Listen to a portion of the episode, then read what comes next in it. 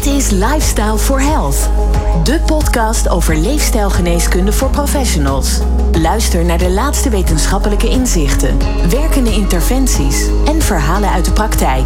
Met experts en vakgenoten gericht op gezondheid, gezondheidszorg en wetenschap. Ons lichaam is een complex systeem van processen. Een systeem met veel veerkracht. Onze manier van leven kan die processen echter verstoren en die verstoring kan ervoor zorgen dat we ziek worden. En door langdurige verstoringen kunnen chronische ziekten zoals diabetes ontstaan. De komende drie afleveringen van Lifestyle for Health gaan we dieper in op de metabole veerkracht. Hoe werken de onderliggende lichamelijke processen van chronische ziekten? Wat weten we van deze processen? En hoe raken die processen eigenlijk verstoord? En hoe kunnen ze weer herstellen? In deze eerste podcast gaan we in op insulineresistentie. Ik ben Glenn van den Burg en in de studio, of eigenlijk op afstand, hebben we twee experts die alles weten over insulineresistentie. Hanno Peil is internist, endocrinoloog en hoogleraar diabetologie in het Leids Universitair Medisch Centrum. En Peter Vossel is senior onderzoeker van het Louis Bolk Instituut. Hanno en Peter, fijn dat jullie uh, uh, ja, ons willen helpen bij dit prachtige onderwerp. Uh, belangrijke onderwerp natuurlijk om het over te hebben. Insulineresistentie. Laten we daar eerst maar eens even beginnen. Hanno, wat is dat überhaupt? Ja, dat betekent eigenlijk dat insuline zijn werk niet goed doet. Dus um, insuline is een ontzettend belangrijk hormoon voor allerlei dingen in ons lichaam. Maar een van de, een van de belangrijkere functies is dat het ervoor zorgt dat de glucose in ons bloed, dat die um, wordt uit het bloed weggaat naar de, de weefsels, in vooral de lever en de spieren en het vetweefsel. En als die functie van insuline niet goed functioneert, dan uh, spreken we van insulineresistentie. Ja. En dan? Wat gebeurt er dan? Dan um, gaat je bloedglucose omhoog, omdat die dus niet goed het bloed uit kan naar de verschillende weefsels toe. En dan krijg je, als dat bloedglucose hoog genoeg wordt, krijg je uiteindelijk de diagnose diabetes. Maar uh, daar gaat eigenlijk al een hele lange periode aan vooraf. Waarin je bloedglucose maar een heel klein beetje verhoogd is. Uh, en uh, dan spreek je van prediabetes. Dat is een soort voorstadium van diabetes. En um, dat, maar daar komen we denk ik straks nog wel op, dat um, uh, is eigenlijk een voorbode of iets wat verhoogt het risico op een heel groot aantal uh, aandoeningen. Ja, en, en, zou je dan kunnen zeggen dat die resistentie voor insuline um, dat dat een soort voorbode is. Dat je dat als een soort waarschuwing kunt zien van hé, hey, wacht eens even, er gaat iets niet goed uh, in, het lichaam of in, in ons geval natuurlijk de leefstijl die mensen hebben. Ja, ja dat is helemaal juist. He, je, je moet het echt zien als een, um, als een teken dat er iets niet helemaal goed loopt in je, in je lijf. En um, dat, dat, is, dat is een risicofactor voor de ontwikkeling van echt een breed scala aan, aan ziektes. Ja. Uh, Peter, hoe werkt dat dan? Hoe ontstaat zo'n insulineresistentie? Wat gebeurt er dan in het lichaam?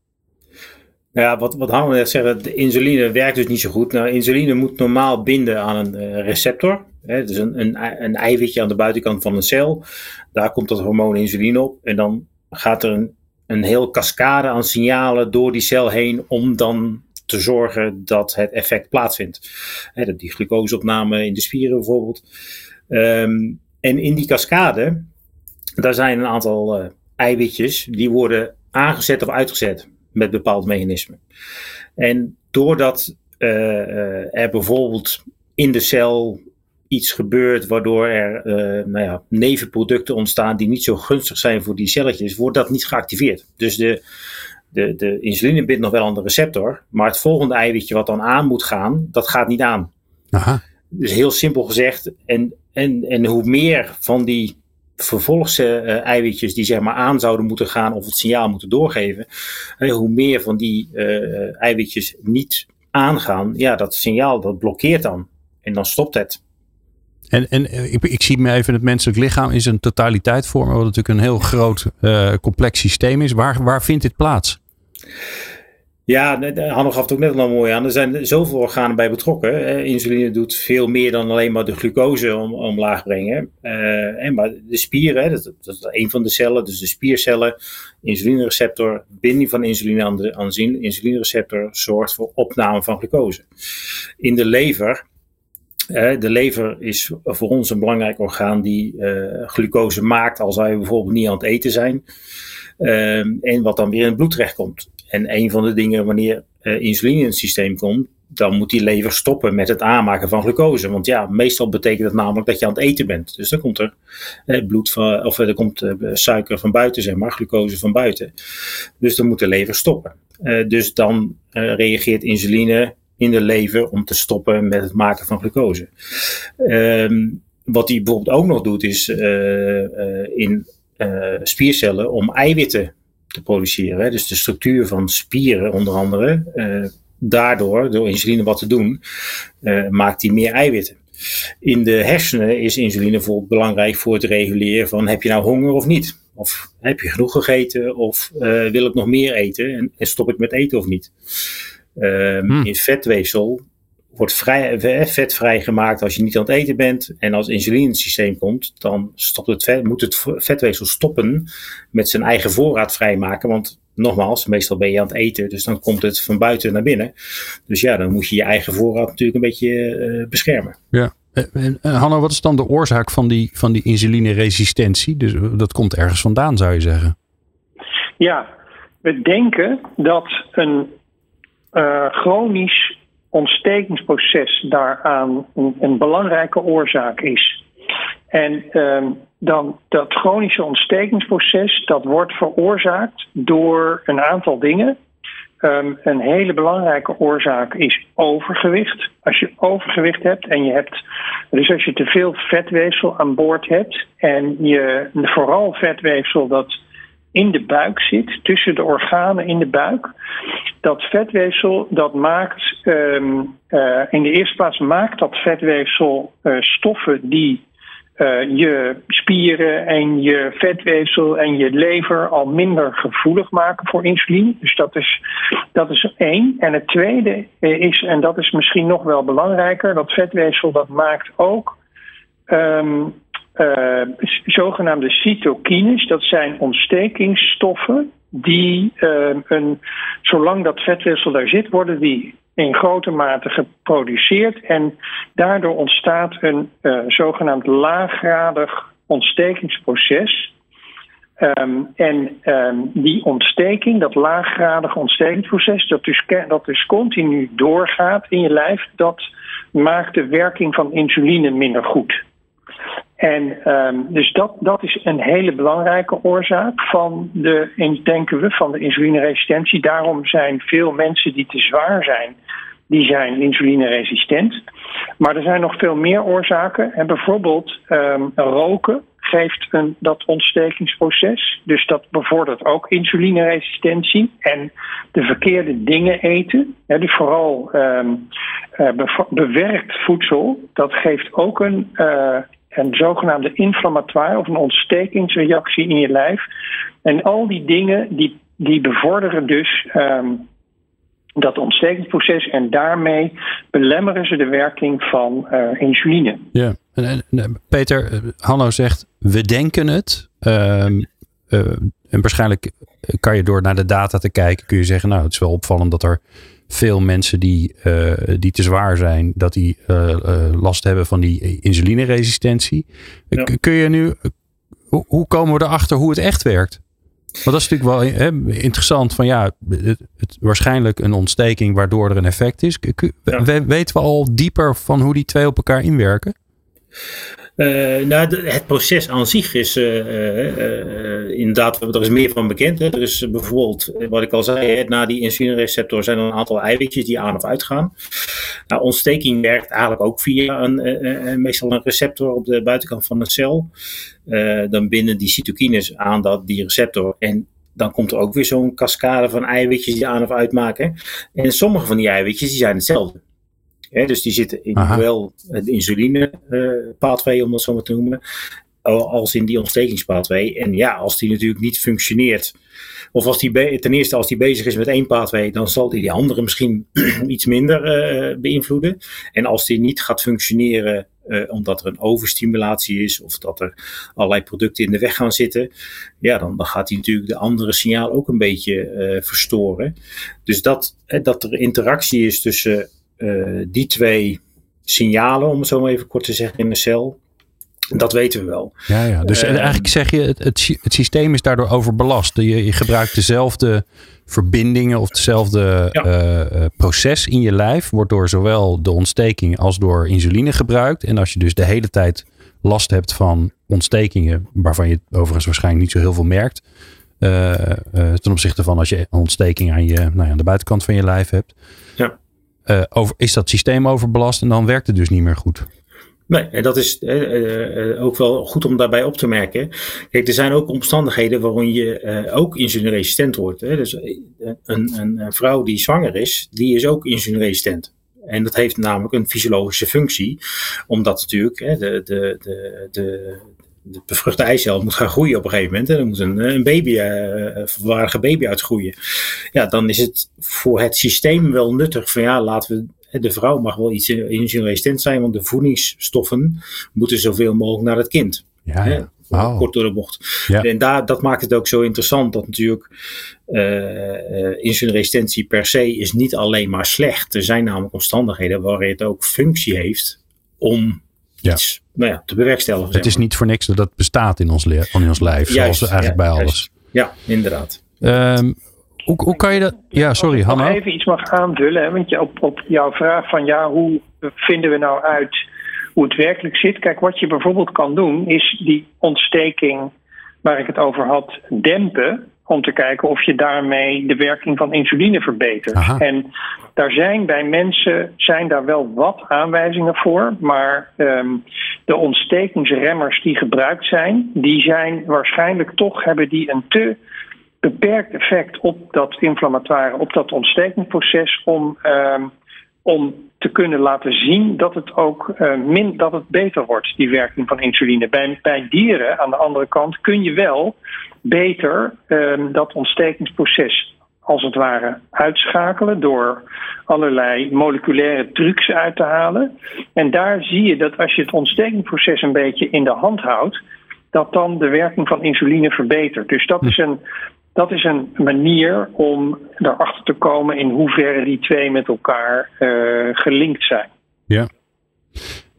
Peter, hoe, hoe, kun je zoiets meten? Want ik zou, ik, ik zit nu zelf, ik, ik ben natuurlijk uh, een leek en sterker nog, ik ben ook gewoon een patiënt en ik ben ook nog eens een keer begin 50 en ik mag ook wel wat kilootjes kwijtraken. Dus ik zit nu te denken, ik zou dat eigenlijk wel willen weten. Ik zou dat wel willen weten hoe dat dan bij mij zit als het een voorbode is van uh, allerlei dingen die we niet willen bij mensen. Ja. Dan zou ik wel willen weten hoe het is met mijn insulineresistentie.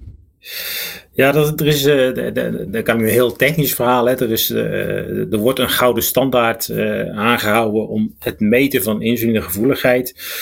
dat heet dan een hyperinsulinemische euglycemische klemp. Dat betekent eigenlijk dat dan kom je in feite in het ziekenhuis even een dagje te liggen. En dan komen er allerlei infusen. En dan gaan we de, de concentratie van insuline in jouw lichaam verhogen. En uh, maar we willen de glucoseconcentratie in je bloed willen gelijk houden.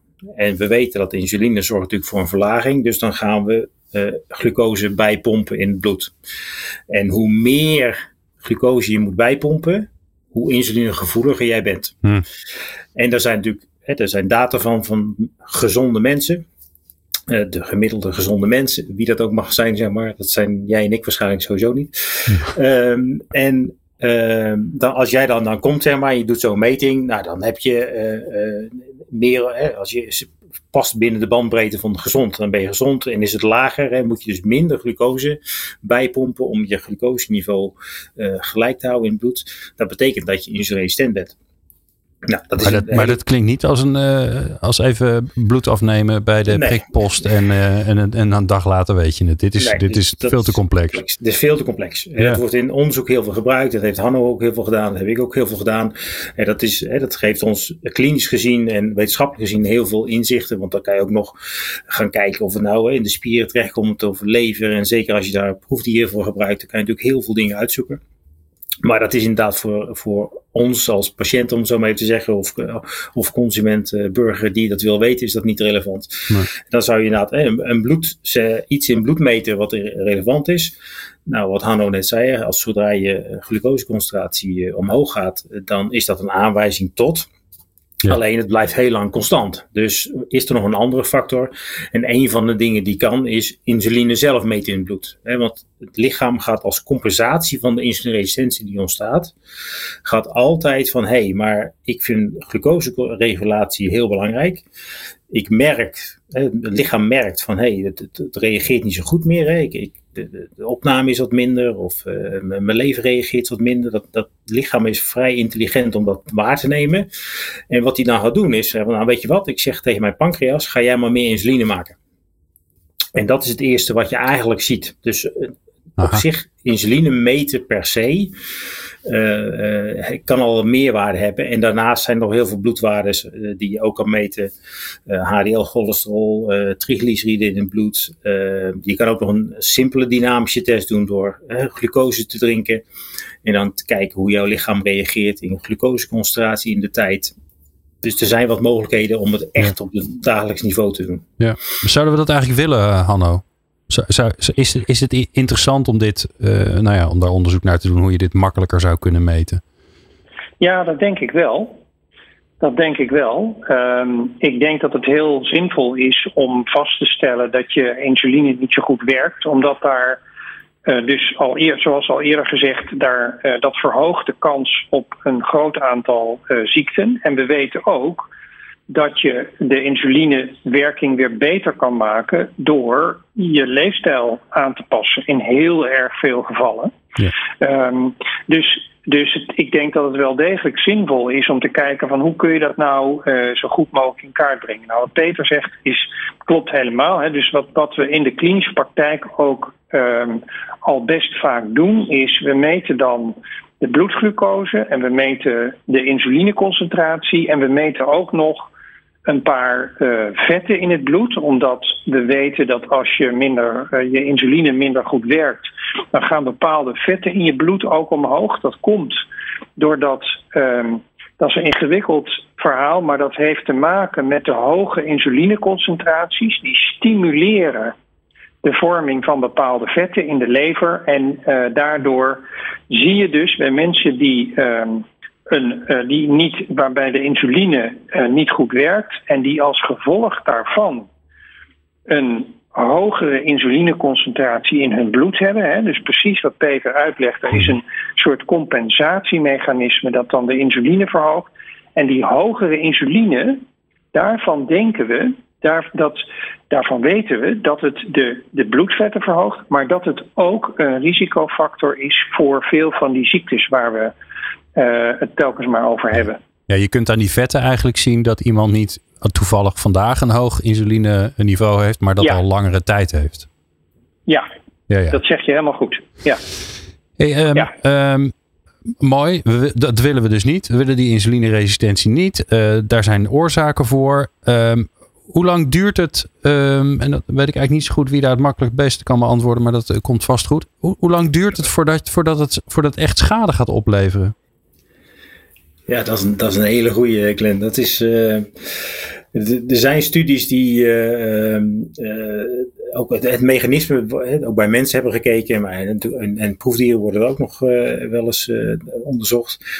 En eigenlijk zeggen ze van dat er acht tot tien jaar voor de diagnose sowieso al wat aan de hand was. Voordat je type 2 diabetes even als, laten we zeggen, ultieme ziekte misschien van insulineresistentie hebt, is er al 8 tot 10 jaar wat aan de hand. En er is een soort van, nou ja, het, het, waarschijnlijk al uh, op de helft ervan Hè, dus de eerste insulineresistentie is misschien allemaal nog, dat kan allemaal nog gecompenseerd worden, kan nog hersteld worden, is niet meteen chronische schade. Maar ergens halverwege, dus laten we zeggen hè, rond de vier, vijf jaar voordat je type 2 diabetes hebt, ontstaan er toch wel wat kleine beschadigingen aan bijvoorbeeld bloedvaten, uh, of andere cellen die wat, wat beschadigd raken. Ja, het is niet helemaal vast te leggen, want dan zou je iemand natuurlijk, uh, ja. zeggen, elk jaar binnen stuk buiten moeten keren. Maar dat, zal ongeveer, dat is ongeveer wat, wat men uh, denkt op basis van de data die we hebben. Acht tot tien jaar daarvoor begint er al wat. En ergens begint er schade op te treden. Uh, rond, nou, laten we zeggen, drie, vier jaar voor de diagnose. Ja.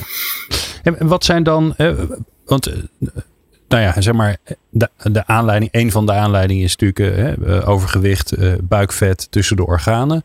Hanno, wat zijn nou de klachten waar mensen mee komen? Waar je, nou ja, waar je als, als, als zorgprofessional kan denken van nou, daar moeten we even opletten. En, en zeker natuurlijk in, dat, in die voorfase, hè, want ja, op het moment dat mensen diabetes ontwikkeld hebben, dan, ja, dan, nou, ik wil niet zeggen dat je dan te laat bent, maar hoe eerder, hoe beter natuurlijk dat je er wat mee gaat doen. Ja, ja, ja helemaal gelijk.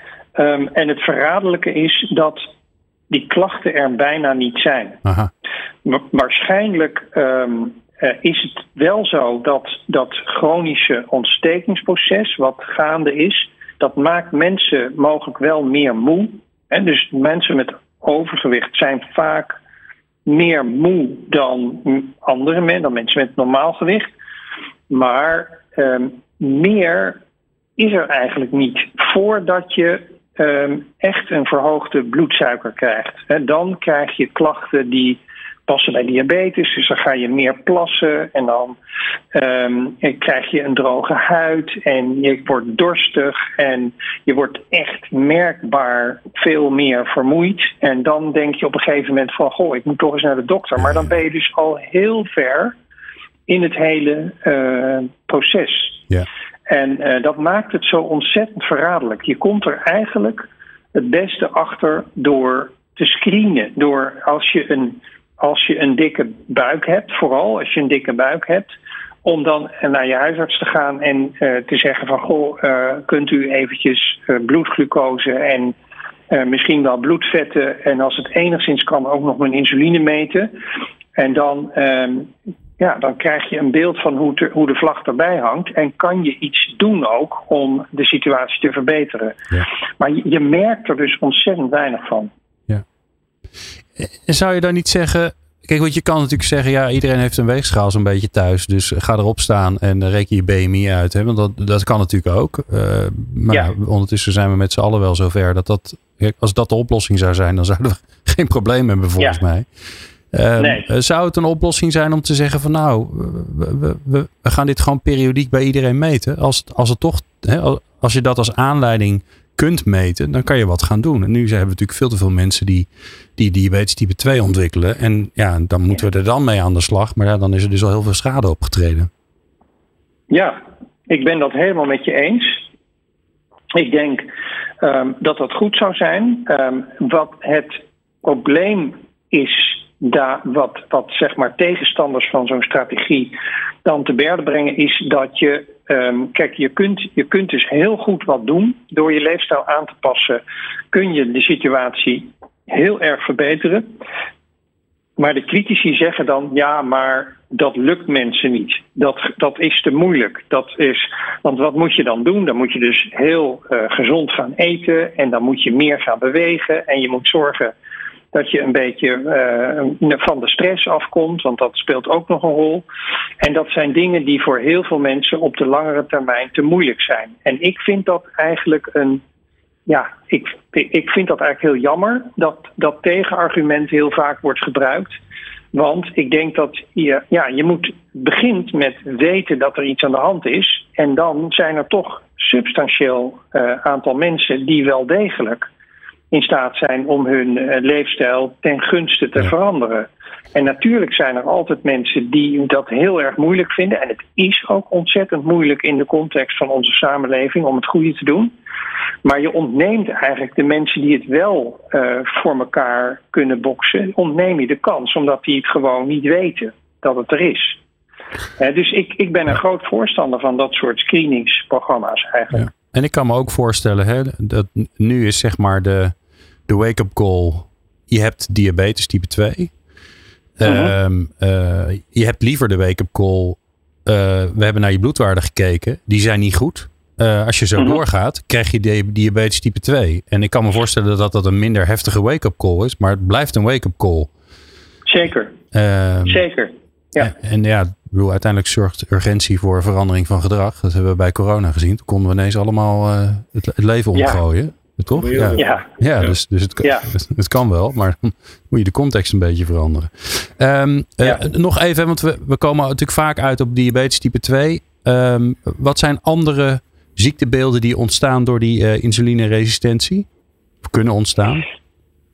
Nou, daar is dus een heel scala, um, zoals al eerder gezegd. En um, het hart- en vaatziekten zijn uh, ook duidelijk, het risico op hart- en vaatziekten is duidelijk verhoogd bij mensen die prediabetes hebben.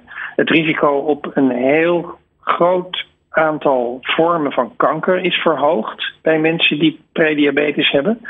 Maar ook bijvoorbeeld um, depressie, um, ook astma.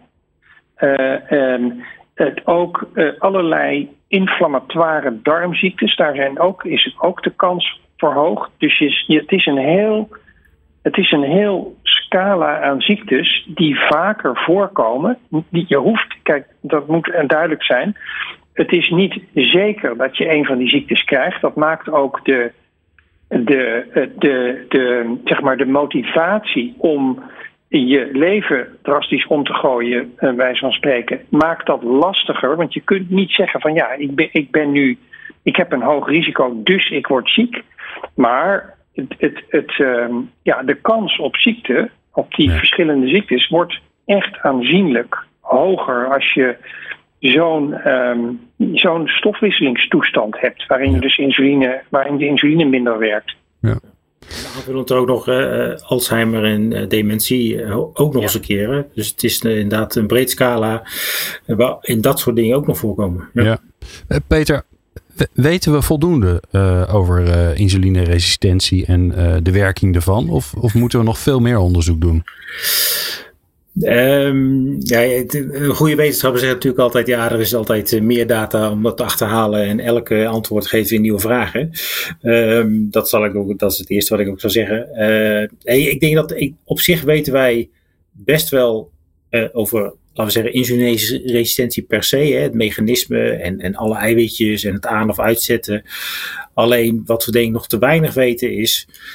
Uh, eh, alle organen. Hè? Hoe, hoe reageert het nou in de nieren en in de lever en in de spieren en de hersenen en de pancreas. Maar ook vooral nog de communicatie tussen al die organen. Want hè, we, wat je al een keer eerder zei, we zijn natuurlijk een systeem. Hè? We, zijn, we hebben al heel veel celletjes en heel veel organen. En we komen eigenlijk nou ja, zolang ik uh, in deze wereld, uh, onderzoekswereld meedraai, dat er, er is gewoon communicatie tussen bepaalde organen. Dus als er in één orgaan iets misgaat, dan praat hij tegen een ander orgaan van hé, hey, eh, eh, dit gaat niet helemaal lekker. Of jullie moeten het overnemen, of jullie moeten het opvangen, of jullie hmm. moeten het, om het even simpel te maken. En ik denk, denk dat we daar nog echt wel heel veel uh, te winnen hebben om te begrijpen hoe dat dan komt. Dat bijvoorbeeld ook zo, uh, nou ja, die dementie of Alzheimer. Of waarom is nou een bepaald soort kanker nou wel verhoogd bij insulineresistentie en andere weer niet? Wat, wat zit daar nou precies, wat gaat daar nou precies mis op dat niveau? Ja.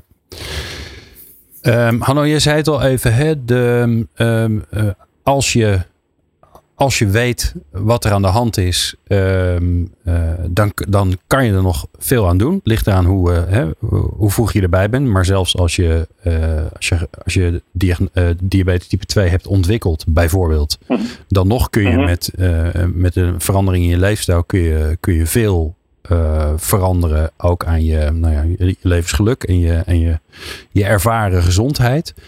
Eh, ja. Wat kan je dan doen? Wat, wat zou je, zeg maar, onze luisteraars, de, de zorgprofessionals die uh, natuurlijk heel vaak met patiënten in aanraking komen, wat zou je die adviseren om, om aan hun patiënten te adviseren die uh, nou ja, een paar kilo te zwaar zijn? Waarvan je denkt, nou, toch maar even een metingje doen. Ja, het, het allereerste wat ik aan mijn patiënten adviseer. Ik behandel heel veel patiënten met diabetes, waaronder type 2 diabetes. Um, wat allereerste wat ik aan mijn patiënten uh, adviseer is. Probeer zoveel mogelijk weg te blijven bij door de industrie gemaakt voedsel. En um, waarom zeg ik dat nou? Nou, die, die, die um, bewerkte voeding, dat lijkt een bijzonder centrale rol te spelen in de ontwikkeling van um, stofwisselingsaandoeningen, van, in specifiek van die chronische uh, ontsteking waar, waar we het over hebben gehad. Um, en dat komt door een heleboel dingen die de industrie in die producten stopt. En uh, daar, noem ik, daar noem ik dan van uh, suiker. Ze stoppen bakken met suiker in hun producten, om, simpelweg omdat we dat zo lekker vinden. Ja. Ze stoppen de verkeerde vetten in uh, de producten. Uh, dat heeft vaak te maken met het productieproces, maar we vinden vet ook, net zoals suiker, vinden we vet heel erg lekker. Uh, ze stoppen er veel te veel zout in. Ook in ontzettend veel industriële producten zit gewoon zout. En dan gebruiken ze um, stoffen voor het productieproces, dat noem je dan emulgatoren en smaakstoffen. En van die emulgatoren en smaakstoffen weten we ook dat die niet goed zijn voor ons lichaam, dat die een ontstekingsproces veroorzaken en daarmee insulineresistentie. Uh, dus als je nou, um, als je nou iets, iets wil doen, als je waar, waar je mee moet beginnen, is probeer zo veel mogelijk onbewerkt voedsel direct van het land uh, te eten. En laat het eten dat door de industrie is gemaakt, want wij construeren eigenlijk ons eigen voedsel. Hè? Wij maken mhm. ons eigen voedsel, terwijl voedsel oorspronkelijk van het land komt. Dat komt van de aarde. Ja, dus ik hoor jij zeggen, dat, uh, de diepvriespizza's, uh, de voorbereide maaltijden, maar ook alles wat in potjes zit en wat niet meer de originele vorm heeft, uh, ja. niet, ja. niet, niet, meer eten. Ja, daar moet je gewoon, daar moet je gewoon zoveel mogelijk van vandaan blijven. Ja. En dat klinkt eenvoudig, maar dat is in de praktijk is dat helemaal niet zo makkelijk als je je realiseert dat wij in Nederland 30 tot 50 procent van de calorieën die wij eten dagelijks komt van door de industrie gemaakt voedsel. Ja. En um, ja, dat is dus een, nogal een opgave om dat dan um, voor het grootste deel gewoon te laten liggen en te vervangen door producten van het land. Ja. Dus, dus dat, dat is één ontzettend belangrijk ding. En het tweede, wat ik uh, ook aan al mijn patiënten adviseer, is beweeg meer dan zeg ik er altijd bij: u hoeft geen marathons te gaan lopen. Echt niet. Je hoeft echt niet je enorm in te spannen. Als je maar door de dag heen zorgt dat je regelmatig, matig intensief beweegt. Dus sta op van achter je uh, beeldscherm. Neem de trap in plaats van de lift. Neem de fiets in plaats van uh, de brommer of de auto. He, dat soort um, dingen die je in het dagelijks leven inbouwt, matig intensieve inspanning, tuinieren, wandelen, is ontzettend belangrijk voor je insulinewerking en voor je gezondheid. Oké, okay. dus, dus niet alleen maar omdat je dan wat calorieën verbrandt, maar ook omdat er iets, er, nee. gaat, er komt een proces op gang in je lijf. Ja, klopt. Dat is, ja. dat is om, om, op allerlei manieren is dat ontstekingsdempend als je dat doet. Ja. Dat, dat remt de, ont, de ontsteking en daarmee um, word je insulinegevoeliger en, en dat is ook gunstig voor je algemene gezondheid. Mooi. Um, ik, ik, wil nog even, ik wil eigenlijk afsluiten door jullie allebei uh, mee te nemen naar uh, de praktijk. De, onze luisteraars, de luisteraars van deze, deze podcast van Lifestyle for Health. Dat zijn, zijn uh, zorgprofessionals die elke dag met patiënten werken. En die ook of nieuwsgierig zijn of enorm geloven in de, in de leefstijlgeneeskunde. Peter, wat zou je ze willen adviseren om te doen als het gaat over dit thema? Um, nou, sowieso het gesprek aangaan. Het blijf het gesprek aangaan en geef inderdaad, wat Hanno net ook zegt, hè, die, eenvoudige tips. Hè, dus de, uh, zorg dat je je eten, dat je daar wat meer tijd in gaat steken eigenlijk. Hè. Dus je moet het vers kopen, vers bereiden. Uh, en dat kan simpel, dat kan in 15 minuten, dat kan in, uh, in twee uur als je je uit wil sloven. Maar één ding, en inderdaad dat bewegen ook ja, het gaat niet inderdaad niet om die marathon. Het gaat niet om het de, drie uur op de fiets zitten op zondagmorgen door de duinen of wat dan ook. Maar ga, ga bewegen. Hè. Bewegen beginnen minder, minder zitten. En, en neem, je, neem de persoon die tegenover zit ook echt heel serieus. Ik bedoel, als die iets aangeeft van ik vind dit moeilijk, ik snap het nog niet helemaal. ja, ga niet denken van god jeetje, snap je het nou nog niet. Nee, blijkbaar is er iets wat die persoon nodig heeft, wat jij blijkbaar nog niet verteld hebt of nog niet gehoord hebt. Of, ja, dat vind ik heel belangrijk. Ja. ja. Hanno, laatste fijne advies aan de, onze luisteraars. Wat, wat ik, wat ik, um, wat ik tegen mensen um, zou willen zeggen is: uh, gezondheid is niet gratis. En gezond ouder worden is hard werken, zei Rudy Wessendorp altijd. En daar had hij groot gelijk in. Hè. We moet, je moet je realiseren dat um, wil je gezond blijven, dan heb je daar zelf ontzettend veel invloed op. En je kan ervoor zorgen dat zelf ervoor zorgen dat de kans dat je iets krijgt gewoon veel kleiner wordt. En um, ik denk dat, uh, dat je, natuurlijk zijn er geen uh, garanties in dit leven. Je kunt alles goed doen en dan toch. Pech hebben. Um, helaas kun je dan toch iets krijgen. Daar, dat, laat dat ook duidelijk zijn. Maar je kunt wel de kans dat je um, een ziekte krijgt en daar last van ondervindt, kun je echt aanzienlijk veel kleiner maken door je leven gezond in te richten. En uh, ik denk dat veel te veel mensen dat uh, niet genoeg beseffen. Waaronder uw presentator, die uh, na vandaag ook weer denkt: ja, het is weer uh, tijd om, uh, om er wat serieuzer mee aan de bak te gaan. Uh, dank van het jaar rekenen. Dus, ja, nee, maar ik maak gelukkig vaker deze podcast, dus het, dat helpt heel erg voor mij.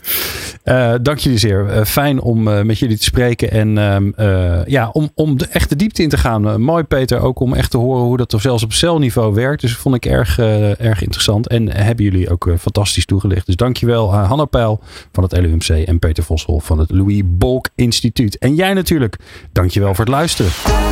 Dit was Lifestyle for Health. Wil je meer informatie? Of wil jij onderdeel worden van de Lifestyle for Health community? Ga dan naar lifestyleforhealth.nl.